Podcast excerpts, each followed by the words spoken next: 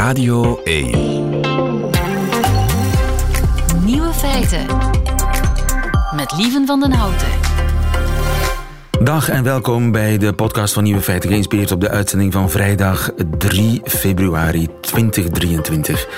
In het nieuws vandaag Johnny Rotten, die misschien naar het Eurovisie Songfestival gaat. Dat weten we vanavond. Want de ex-frontman van de Sex Pistols, 67 inmiddels, doet vanavond met zijn groep Pil mee aan de Ierse preselectie met dit liedje.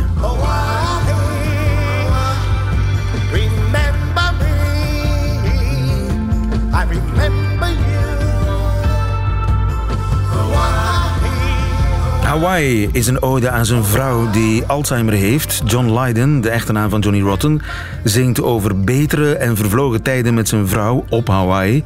Het is een emotionele ballad, uiteraard ook voor hemzelf, want de voormalige punker die barstte na de repetitie in tranen uit.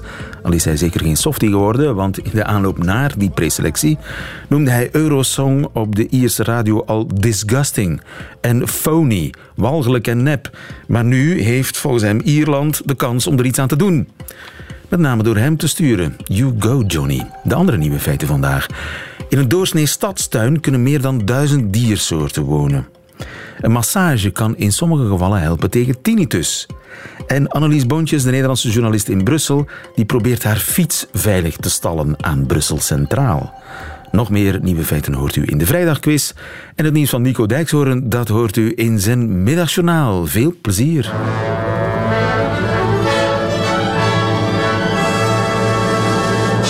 Nieuwe feiten. Heeft u een tuin? Eh, hoeveel diersoorten zouden daarin leven? Ja, vijftigtal, zestigtal misschien? Ik zal het u vertellen. Meer dan duizend. Luc Hogestein heeft ze geteld. Goedemiddag, Luc. Goedemiddag. Je bent bioloog en schrijver van het boek Mijn duizend soorten tuin. Ja, dat klopt. En je hebt je de soorten in je tuin geteld. Hoe groot is die, jouw tuin? Nou, de tuin is eigenlijk vrij klein. Het is een, eh, een, eh, ik woon in een rijtjeshuis in Utrecht. En we hebben eigenlijk alleen een voortuin. Dat is, dat is wat we hebben. En een klein stukje stoep en een klein stukje groen eh, aan de rand van de stoep. En dat is het zo ongeveer. Dus het is, eh, het is weinig. In vierkante meter, over hoeveel vierkante meter praten we dan? Nou, ik denk in totaal bij elkaar opgeteld ongeveer 200 vierkante meter. Dat is dan ook nog 200 in, in- ja, dat is ook nog inclusief het huis zelf. Dus de binnenkant van het huis. Oké. Ja. Dat is ook een soort van tuin. Daar heb je ook je, de, de dieren geteld. Ja, wat, wat ik heb gedaan is tussen 1 januari 2021 en 31 december 2021, dus exact een jaar, heb ik alles geteld wat in ons huis en in onze tuin eh, aanwezig was aan dieren en planten. Oké, en hoe Ja. doe je dat? Want dat lijkt me niet zo simpel. Oh eh, ja, dat doe je op allerlei verschillende manieren. Ik heb, eh, ik heb werkelijk van alles gedaan. Ik heb bijvoorbeeld om, eh, om nachtvlinders te onderzoeken, heb ik bij ons op het balkon op, op één hoog een laken opgehangen met een lamp ervoor. En die lamp zet ik dan s'nachts aan. En dan ging ik kijken wat voor vlinders er op dat laken gingen zitten. Want die vlinders werden aangetrokken door het licht. Ja, en dan kijk je wat erop afkomt. En, dat, en dan komen er niet alleen vlinders op af, maar ook, ook wantsen en kevers. En zelfs een kakkerlak kwam erop af. En dat is bijvoorbeeld een methode. Maar Ja. je kijkt bijvoorbeeld ook met je verrekijker naar vogels. En alle, allerlei manieren. Vergrootglas. Ook een vergrootglas. En wat ik ook veel deed, was eh, als ik weer wat had gevonden wat ik niet herkende, dan maakte ik er een foto van. En dan ging ik later op de computer uitzoeken wat voor soort ik nu weer had gefotografeerd. Want ik weet wel wat van dieren af, maar als je met zo'n project bezig bent, je komt zoveel onbekende beesten tegen. Dat is, eh, dat is ontzettend leuk om te doen. Ja, want je, je hebt zelfs eh, beesten gevonden die niemand kende.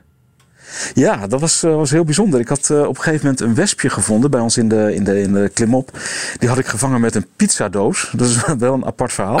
Hadden op een gegeven moment hebben, hebben, hadden we pizza. Ja. Dit moet ik even eh, verwerken. Met een pizzadoos wespen vangen. Precies, dat kan, dat kan. Nee, we hadden op een gegeven moment hadden we pizza besteld. En de dozen daarvan mochten niet bij het oud papier. Die moest ik dus in de vuilcontainer gooien. En toen liep ik met die pizzadoos in mijn hand langs onze klimop. En toen dacht ik, hé, hey, als ik nou de eh, pizzadoos in de klimop steek... dan aan de klimop ga schudden... dan vallen er misschien beestjes in die pizzadoos.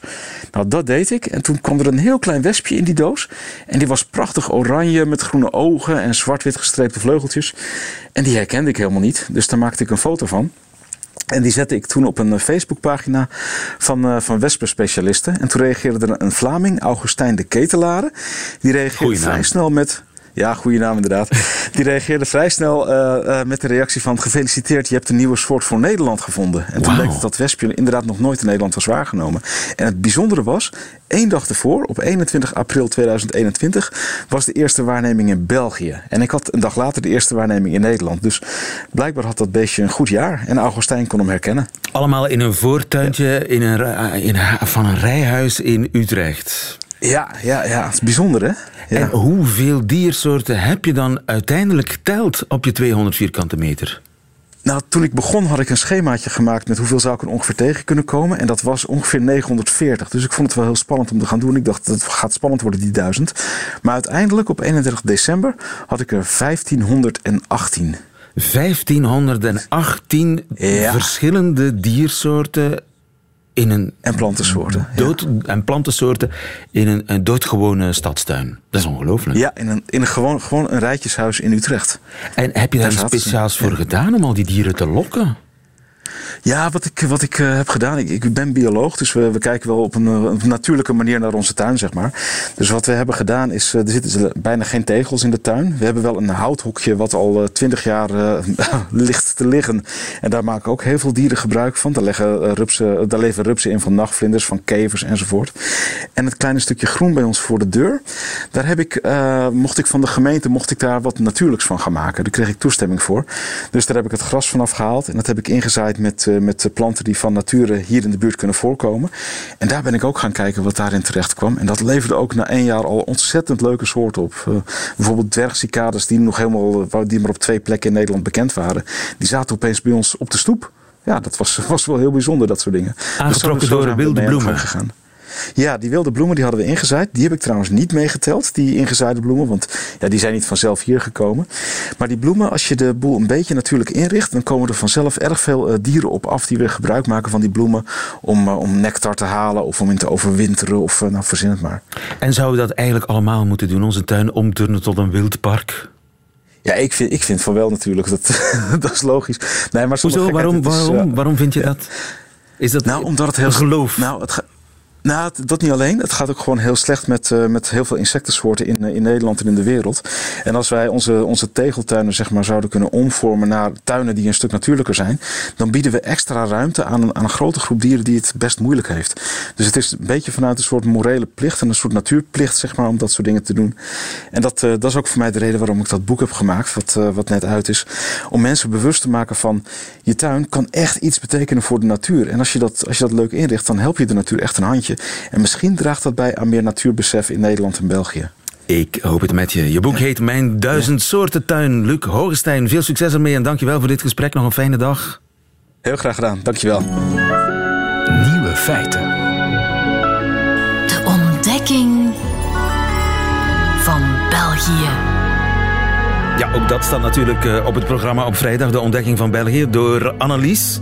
Annelies Bontjes, journaliste in eh, Brussel. Nederlandse journaliste wel te verstaan. Je bent correspondent voor Trouw, het Nederlandse dagblad. En je ontdekt ons land met stijgende verbazing. Wat heb je deze week ontdekt? Waar was je? Nou, ik, eh, Oh, je microfoon, je microfoon. Eh, Michel, microfoon. Is ja. in orde. Hallo, hey, goedemiddag. Goedemiddag, Ehm, nou, lieve, ik was deze week was ik weer eens in Amsterdam. En ehm, ik heb in Amsterdam iets ontdekt. En daardoor heb ik iets ontdekt wat ik in Brussel miste. Ja, snap je? Ja. Nou, ik was in Amsterdam en we hebben daar een nieuwe fietsenstalling. En bij het Centraal Station. En dat is wel echt spectaculair. Hoe ziet die eruit? Nou, we hadden altijd de fietsflat. En daar was ik erg aan gehecht. De fietsflat. Ja, dat was een een gebouw naast het Toren, station. een toren, een fietstoren. Heel ja. hoog, ja. En eh was altijd zoeken naar een plek en altijd een beetje schelden, want het lukte dan niet en dan je te laat voor je trein en zo. Maar dat, dat hoorde er een beetje bij. Dus dat heb ik jarenlang gebruikt. Maar nu, eh, ja, die is niet meer. Je mag daar niet meer je fiets neerzetten. Er is nu een ondergrondse fietsenstalling bij Amsterdam Centraal. En eh, ik weet niet of je er echt heel veel tijd mee bespaart eigenlijk. Want je moet dan daar naartoe lopen, je OV-kaart scannen en dan kun je pas een Openbaar plek vervoerkaart. Sorry, openbaar vervoerkaart. Eh, maar dat is plek voor 7000 fietsen. Dat is echt- Zeven, ja, 7000 fietsen. 7000 fietsen, ja, Dat is dat is, gigantisch echt indrukwekkend. Ja. En moet je ze dan ook stapelen met handige dingetjes om, om, om ze boven, boven elkaar? ja, dat is allemaal super high-tech. Ja, ja. Er staan ook lichtjes, zeg maar, waar het groen is, eh, staat dan een, of kan je dan je- nog je fiets neerzetten. En, nou, het is allemaal, eh, maar goed, en toen dacht ik, ja, dat is eigenlijk iets wat ik heel erg mis. Want ehm, hier. Want vanuit mijn huis ga ik altijd op de fiets naar Brussel Centraal. En daar pak ik dan de trein.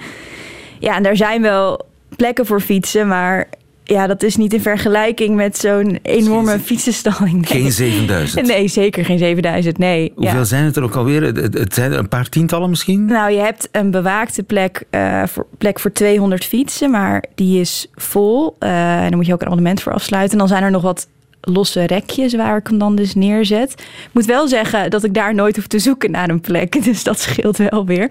Eh, want ook al zijn er er weinig... eh, ja, blijkbaar gaan gewoon niet zoveel mensen hier op de fiets. In Brussel. In Brussel, ja. Ik denk dat het iets, eh, iets specifiek Brussels is. In Gent wordt er volop gefietst. En is er zelfs En nu dat weet jij natuurlijk beter. een, een monument, eh, een, een stadshal, een, een middeleeuwse stadshal die nu, omdat Ja. niemand weet wat ermee aan te vangen, wordt nu omgeturnd tot fietsenstalling. Ja, ja, spectaculair, ja.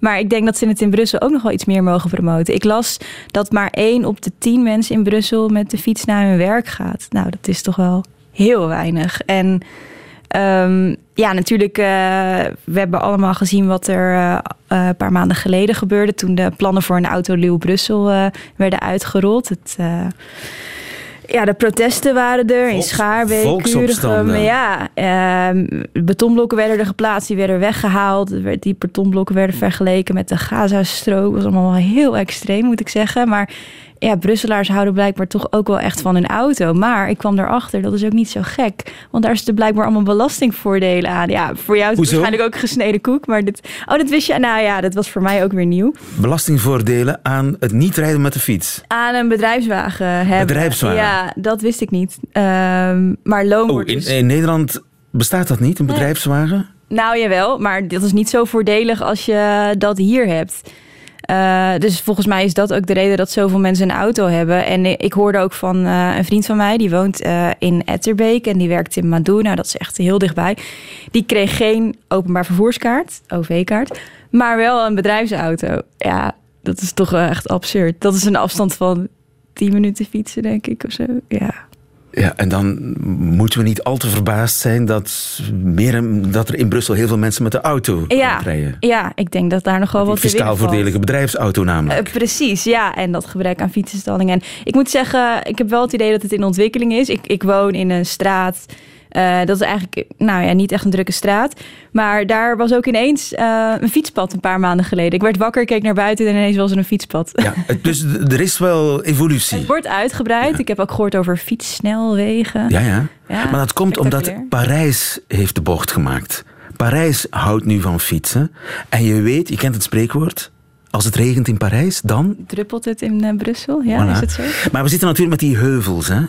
Ja. Is voor jouw kuiten geen Nou, probleem. ook dat vind ik interessant. Want in Nederland zie je echt superveel elektrische fietsen. Dat is ook echt een beetje een statusdingetje. Vooral mensen die... Een de- van move. Oh, sorry, ik mag Ja, geen reclame nee, maken, maar het kost dan inderdaad. 3000 euro Ja, of zo. belachelijk. Maar mensen die op de Zuidas werken en zo, die rijden er allemaal op. De Zuidas is het, het chique... Het chique gedeelte, ja. En je hebt ook heel veel van die fatbikes. Van die, dat zijn echt monsters en die gaan ook knijterhard.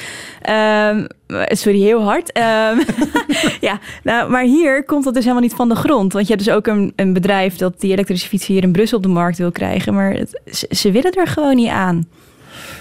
Ja, en, en als er niet zoveel fietsers zijn, ben je wel, wordt het wel heel gevaarlijk hè, om te fietsen. Want auto's schrikken van je, blijven van je schrikken. Ja. Verwacht er niet dat er een fiets is.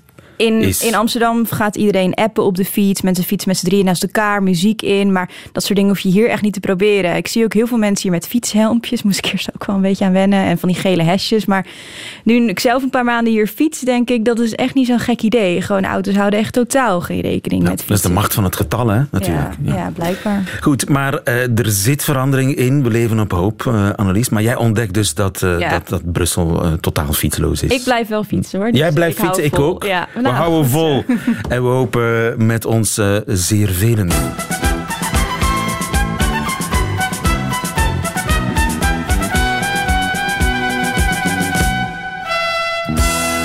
Examen Vlaams. Aha. Wat is een velo? Ja, een fiets natuurlijk. Oh, oké. Heb je dat hier geleerd of dat wist je? Ehm, nou, dat wist ik denk ik wel. Ja. Waar, ja, wat is een soepap? Oeh. Ehm, eh, Vliegende start gemaakt, maar Ja. gestrand op de soepap. ik was een beetje overmoedig. Hè? Ehm, Wa- wa- een oh, oh, gestrand. Oh, op de stoep, of niet? Oh, Nee, dat is een trottoir. oh ja. Maar ja, dat... Is het ook een fiets? Nee, nee, nee, nee. nee. Het soepap zit aan een fiets. Die tip wil ik je... Een bagagedrager? Nee. Een bel? Nee. Een kettingkast? Nee. het stuur? Nee. Dat- Zadel. het zadel, nee. Stuur wordt, zeggen sommige mensen, guidon tegen. Maar niet overal. Niet overal. Nee, een soepap is gewoon het ventiel.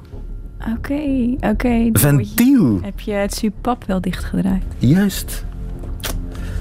Frein. Eh, Frein. mm, ja, het, het, het, het frame. Is een beetje gek Het zijn gewoon de uitgesproken. remmen. Het zijn gewoon de remmen. Het is gewoon... oké. Het is gewoon... Oké, vrij. Zullen we nog eentje doen? Ja. Macadam. Eh, Als in- Tarmac of macadam? eh, eh, Zo'n hoog trekt ja, hobbelig of zo? Nee, nee. Plat, plat of niet? Eh, Macadam is betonweg. Oké, oké. Dat heeft waarschijnlijk met een of andere uitvinder te maken, maar in de volksmond Macadam. heet dat macadam. Mak Jeetje, oké. Leuk, goed. Macadam. Nog Kinderkop- nooit ki- gezien. kinderkopjes? Ja, die hebben we ook in Oh, ja, kinderkopjes. Kasseien? Sterk geëindigd. Kasseien? Ja, de kasseien. Dus die, die Ja. namen worden Ja, eh, eh, door elkaar gebruikt. oké. Maar goed, je wist te veel, oh, dat vind ik al veel. En kinderkopjes. En kinderkopjes. Goed, dankjewel Annelies eh, Ja, Bontjes. dankjewel. En tot volgende week.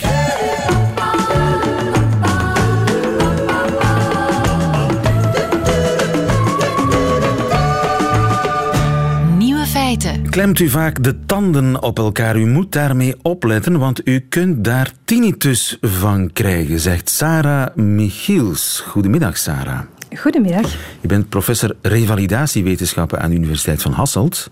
Dat klopt inderdaad. En jij onderzoekt of je kine kunt inzetten tegen tinnitus. Ja, dat is zo. Maar wat is dat? Kan ik, kan ik een fluittoon in mijn oren wegmasseren? Ehm, wel, het is namelijk het is zo dat ongeveer 1 op 4 mensen met tinnitusklachten, dat we daar invloed zien van spanning op de kaakspieren en daarnaast ook spanning op de nekspieren. Ehm, en het is inderdaad zo dat als we die spanning gaan verminderen, eh, dat bij die mensen ehm, ook de tinnitusklachten gaan verbeteren. Dus het werkt alleen als spanning de oorzaak is van de tinnitus. Ja, klopt inderdaad. Ik Of- wist niet eens dat spanning een oorzaak kon zijn van tinnitus. Ja, dat is inderdaad iets wat heel veel mensen niet weten. Vaak ehm, wordt in eerste instantie gedacht aan ehm, een probleem met het gehoor. Ehm, maar er zijn naast eh, gehoorsproblemen nog heel veel andere factoren eh, die tinnitus kunnen veroorzaken of die dat een bestaande tinnitus erger kunnen maken. Ja, want het tinnitus is nog een groot eh, vraagteken. Hè? Want ja, je kunt het krijgen van luid lawaai. Muzikanten hebben het vaak hè, na verloop van tijd. Ze hebben zo vaak ja, naast een enorme baffel van een eh, geluidsbox eh, gestaan dat, dat hun gehoor daardoor is aangetast. Eh, maar er zijn nog veel andere oorzaken en sommige daarvan ja, kennen we nog niet. Zeker, zeker. En zou die spanning, zou dat die grote onbekende oorzaak kunnen zijn? Ehm, wel, dit is een van de oorzaken die we momenteel kennen, of een van de zaken waarvan we weten ehm, dat het de tinnitus gaat, eh, gaat beïnvloeden. Ehm, maar het is vaak heel moeilijk bij individuele patiënten ehm, om erachter te komen wat enerzijds de hoofdoorzaak is, maar ook wat al die verschillende beïnvloedende factoren zijn. Want heel vaak is het zo dat als je tinnitus krijgt, dat daar niet één reden voor is, maar dat je eigenlijk heel veel verschillende factoren hebt die dat tezamen maken eh, dat iemand op een bepaald moment tinnitus gaat ontwikkelen. Ja, dus iets heel complex. Spanning kan daarbij. En hoe werkt dat dan? Hoe, hoe kan spanning de verklaring zijn voor een tuut in je oor? Wel, het is zo dat er in onze hersenen, en meer bepaald in de hersenstam, ehm, zijn er verbindingen tussen informatie vanuit die kaakspieren enerzijds ehm, en ons gehoorcentrum anderzijds. En die verbindingen hebben we allemaal. Die zorgen er bijvoorbeeld voor dat we, dat we eh, onszelf niet kunnen horen kauwen, want dat zou behoorlijk lastig zijn. Ehm, maar bij sommige mensen werken die verbindingen ook anders en gaat een spanning in de kouspieren ehm, geïnterpreteerd worden als een reden om meer informatie te gaan sturen naar het gehoorcentrum in de hersenen. En wanneer die informatie daartoe komt, wordt dat waargenomen als een fluittoon of een ruis. Oké, en dus op die manier kun je van te hard op je kaken te klemmen, kun je een soort van tinnitus ontwikkelen. Inderdaad. En omgekeerd kun je van je eh, tinnitus verlost geraken door te ontspannen. Ja, inderdaad. Wel En heb heel je, heb je zo, specifiek. zo voorbeelden al in je praktijk gehad? Zeker, zeker. We hebben nu een aantal studies in de afgelopen jaren gedaan, eh, waar we hebben gezien dat we, ehm, wanneer we die mensen waarvan we op voorhand weten van oké, hier heeft die spanning op die kaakspieren of die nekspieren een, eh, echt wel een grote invloed, dan zien we ook van als we die spanning kunnen verminderen, want dat is wel een voorwaarde, ehm, dan gaat ook die tinnitus beter. En heel vaak is het zo dat we die tinnitus niet volledig wegkrijgen, maar dat die wel minder luid wordt. Of wanneer dan mensen verschillende geluiden door elkaar horen, ehm, dat ze nog maar met één geluid overblijven in plaats van eh, die hele cacophonie van geluiden. Ja. En dan is dat een nekmassage of heb je daar toestellen voor? Ehm, dat kan gaan over manuele technieken, waarbij we inderdaad met een soort van massage of een stretching die spieren los gaan maken. Ehm, maar patiënten moeten ook zelf oefeningen doen. En dat is wel een hele belangrijke, want ehm, van één keer per week bij de kine te gaan voor wat stretching en wat massage, daar blijven die spieren natuurlijk niet los mee. En we hebben een, een hele reeks oefeningen die mensen kunnen doen om dat effect op lange termijn te behouden. Ja. En zou sporten kunnen helpen tegen tinnitus? Ehm, wel, dat zou kunnen, want dat is eh, inderdaad iets wat we momenteel aan het onderzoeken zijn. Maar dat onderzoek staat echt nog wel in de kinderschoenen. Ehm, maar we vermoeden dat eh, sporten zou kunnen helpen, omdat we weten dat stress is een andere heel belangrijke factor um, in het onderhouden en in het ontstaan van tinnitus. En we weten langs de andere kant ook dat sporten kan helpen om stress te verminderen. Absoluut. Dus doen. En uh, hou ons op de hoogte van de resultaten van je onderzoek. Je hebt ook een filmpje gemaakt voor de Universiteit van Vlaanderen over dit onderwerp. Dat staat op VRT Max. Sarah Michiels, dankjewel en nog een fijne dag. Heel graag gedaan.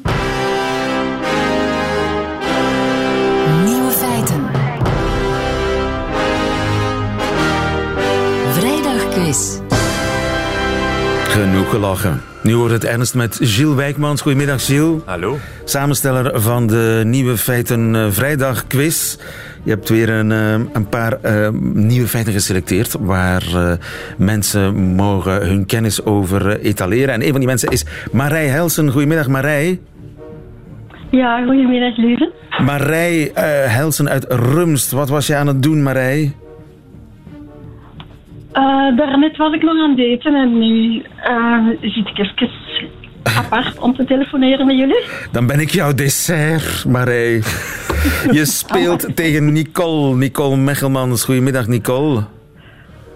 Goedemiddag. Was jij ook uh, aan het eten, Nicole? Uh, nee, ik ben een deur aan het schilderen Ach, op dit wel, moment. wel, welke kleur? Uh, heel lichtgrijs, ochtendnevel. Ochtendnevel, Nicole, stel je voor.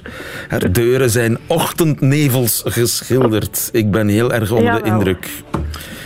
Nicole, ik ga jou en de Ja? kennis van Marij uh, testen. Van vier nieuwe feiten, geselecteerd door uh, Gilles Wijkmans. Ik begin bij Marij, die zich het eerste heeft gemeld. Zolang zij Ja? juist antwoord blijft aan de beurt. Bij een fout antwoord gaat de beurt naar Nicole. En wie het laatste nieuwe, goede, nieuwe feit goed heeft, die wint deze quiz. We zijn vertrokken. Marij, waar zijn Italiaanse kinderen niet toe verplicht volgens een recente uitspraak van een rechter? Is dat A. de grootouders zien? B. naar school gaan? C. naar hun ouders luisteren? Een rechter heeft beslist, een van die drie dingen hoeven kinderen niet te doen. Oei. Ja, Marij. Ja. Ja, dat is schokken natuurlijk. Um, dan gok ik op C. C. Fout. Nicole. Uh, ik gok op B. Fout. Gilles. Kinderen, Italiaanse kinderen zijn niet verplicht hun grootouders te, ouders te zien. Nee. Dat heeft een rechter beslist. Dat heeft een rechter beslist omdat twee eh, grootouders uit Milaan eh, de ouders van hun kleinkinderen hadden aangeklaagd. Door een familiaal conflict zagen ze hun kleinkinderen niet meer. Dus naar de rechter gestapt. En in eerste aanleg zei de rechter inderdaad, grootouders hebben het recht om hun kleinkinderen te zien. Die ouders waren niet blij met die uitspraak en die kinderen zelf ook niet. Die waren trouwens ouder dan 12 jaar. Die zeiden van ja, wij willen eigenlijk oma en opa niet, niet graag zien. Ehm, en dan heeft de, het Hof van Cassatie beslist van als die kinderen die hun grootouders niet willen zien, dan moeten ze dat niet. En kunnen ze daar niet Ze zijn aan het Hof van Cassatie gestapt van Italië en hebben gelegd. Hoe zit dat in België? In België hebben grootouders het recht om hun kleinkinderen te zien, tenzij het in het belang is van het kind om dat niet te doen. Vraag 2, Marij. Amerikaanse staten hebben vaak officiële symbolen. Sommige staten kiezen een dier als symbool. Grizzlybeer voor Californië bijvoorbeeld. Andere een berg. De meeste staten hebben meer dan één symbool. De staat New Mexico heeft er net één bij gekregen. Is dat A?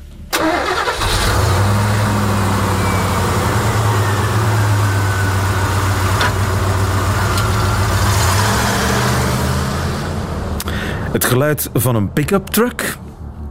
Is dat B, het aroma van gegrilde chilipepers? Of C, de kleur van TL-licht? Een van die drie is een nieuw symbool voor de Amerikaanse staat New Mexico. A, B of C, Marij?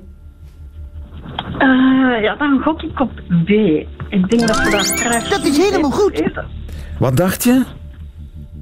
Omdat we daar veel chilipepers eten. Ja, Ja, dat is ook, dat is ook zo. Wauw. Ja, inderdaad. Het zou trouwens de eerste keer zijn dat een Amerikaanse staat een officieel aroma heeft. En het zou dus inderdaad eh, het aroma van geroosterde chilipepers zijn. 60% van de Amerikaanse pepers worden ook in New Mexico geproduceerd.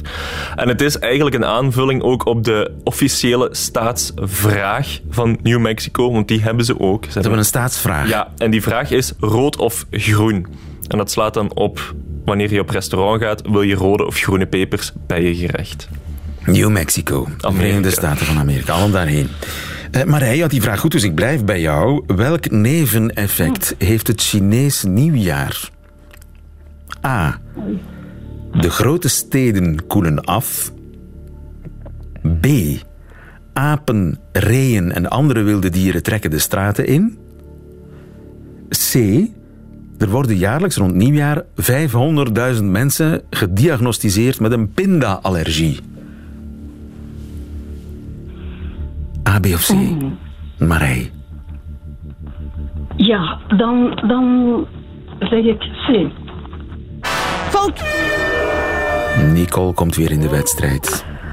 Eh, kunt u nog even A en B herhalen? Want ik ben Grote steden koelen af. Apen, reeën en andere wilde dieren trekken de straten in. Eén van die twee. Afkoelen of Ik wilde denk- dieren in de straten? B. Je denkt B. De steden koelen af. Door nieuwjaar. Door nieuwjaar, inderdaad. Het is een van de grootste migraties eh, in de mensheid, namelijk het Chinees nieuwjaar. Dat komt omdat heel veel stedelijke Chinezen naar hun familie trekken op het platteland. En door de overheid wordt er geschat dat er een 308 miljoen reizen worden afgelegd in China. Ehm, en omdat er dus minder mensen zijn in de stad die met de auto's de stad verwarmen of airconditionings die aanstaan en eh, warme lucht uitblazen, koelen de steden in China dus met 0,35 graden Celsius af. Vraag 4. Marij, kom weer bij jou. Ja. Waarom schoten de aandelen van de Amerikaanse nieuws- en entertainment website BuzzFeed met 120% omhoog? A. Ze kondigden aan nooit meer over Donald Trump te schrijven. B. Managers krijgen er geen bonussen meer. C. Ze vervingen al hun schrijvend personeel door AI, artificiële intelligentie. Marij. Ja, Oef. moeilijk. Moeilijk. Gokken. Ehm, Marij. Moeilijk. Ja, dan gok ik op C. Je gokt op C. Dat is helemaal goed. BuzzFeed wordt geschreven door AI, Ja, Gilles? inderdaad. Dus in december hadden ze al aangekondigd dat ze 12% van hun personeel gingen ontslaan. En nu hebben ze ook aangekondigd dat ze hun artikels voortaan met AI, artificiële intelligentie, zullen schrijven. En dat hebben aandelen, aandeelhouders natuurlijk graag. hè. Minder arbeidskosten en dezelfde output. Dus ja. Maar eh, dat wordt toch nog geredigeerd, mag ik hopen? Ik neem aan van Er zal nog wel iemand die die teksten nakijken. een eindredacteur, algoritme of zo. Gelukkig worden ze niet gelezen door AI. Dat is de toekomst, misschien. Dan zijn we er vanaf. Kunnen we allemaal naar het strand. Dat betekent dat wij een winnaar hebben.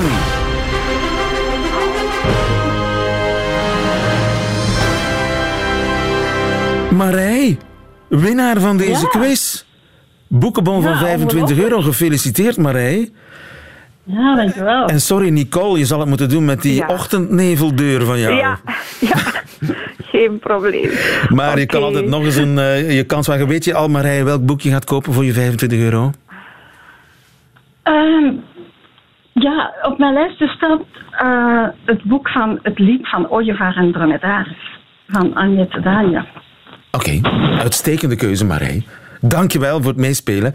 En geniet van je boekenbom. Ja, dankjewel. Nieuwe feiten. Radio 1. Dat waren ze, de nieuwe feiten van 3 februari 2023. Alleen nog die van Nico Dijkshoorn, die krijgt u nu in zijn middagjournaal. Nieuwe feiten. Middagjournaal.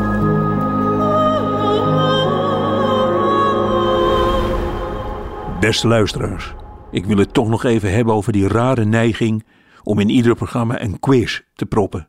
In dit programma wordt dat gedaan met heel veel zelfspot. Wink, wink, nudge, nudge, haha. We doen heel serieus een quiz. Is me dat niet gieren van het lachen, want we spelen helemaal niks klaar. En we doen net alsof we heel blij zijn als er iemand heeft gewonnen.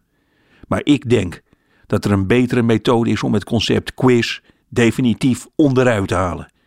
Je moet het met wortel en al uit de grond trekken. Ik heb mijzelf nu als doel gesteld om volgend seizoen in zoveel mogelijk radio- en televisiequizzen te verschijnen en om daar dan zo verwarrend mogelijk foute antwoorden te geven.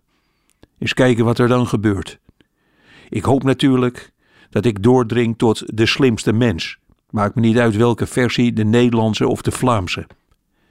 In het onderdeel noem zoveel mogelijk woorden die te maken hebben met Egypte, ga ik in razende vaart de volgende reeks woorden roepen.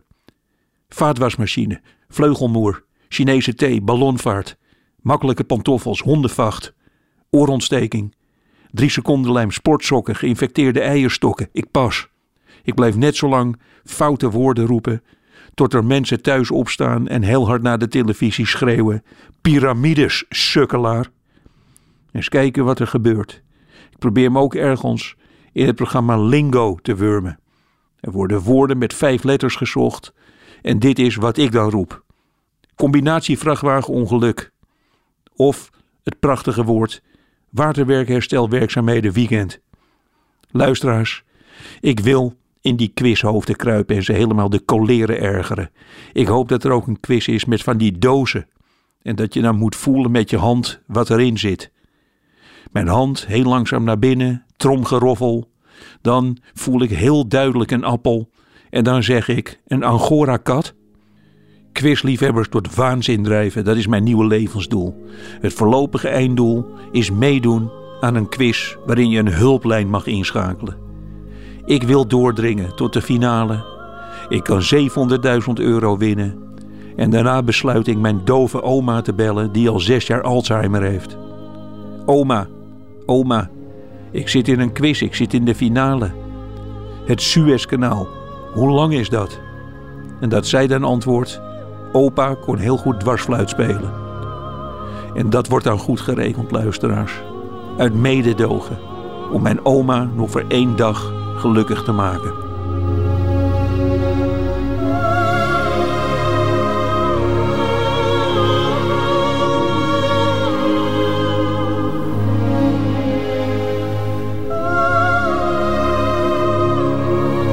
Wie weet, volgende week Nico Dijkshoorn in de vrijdagquiz. Zou dat niet mooi zijn? Kom op Nico, doe het.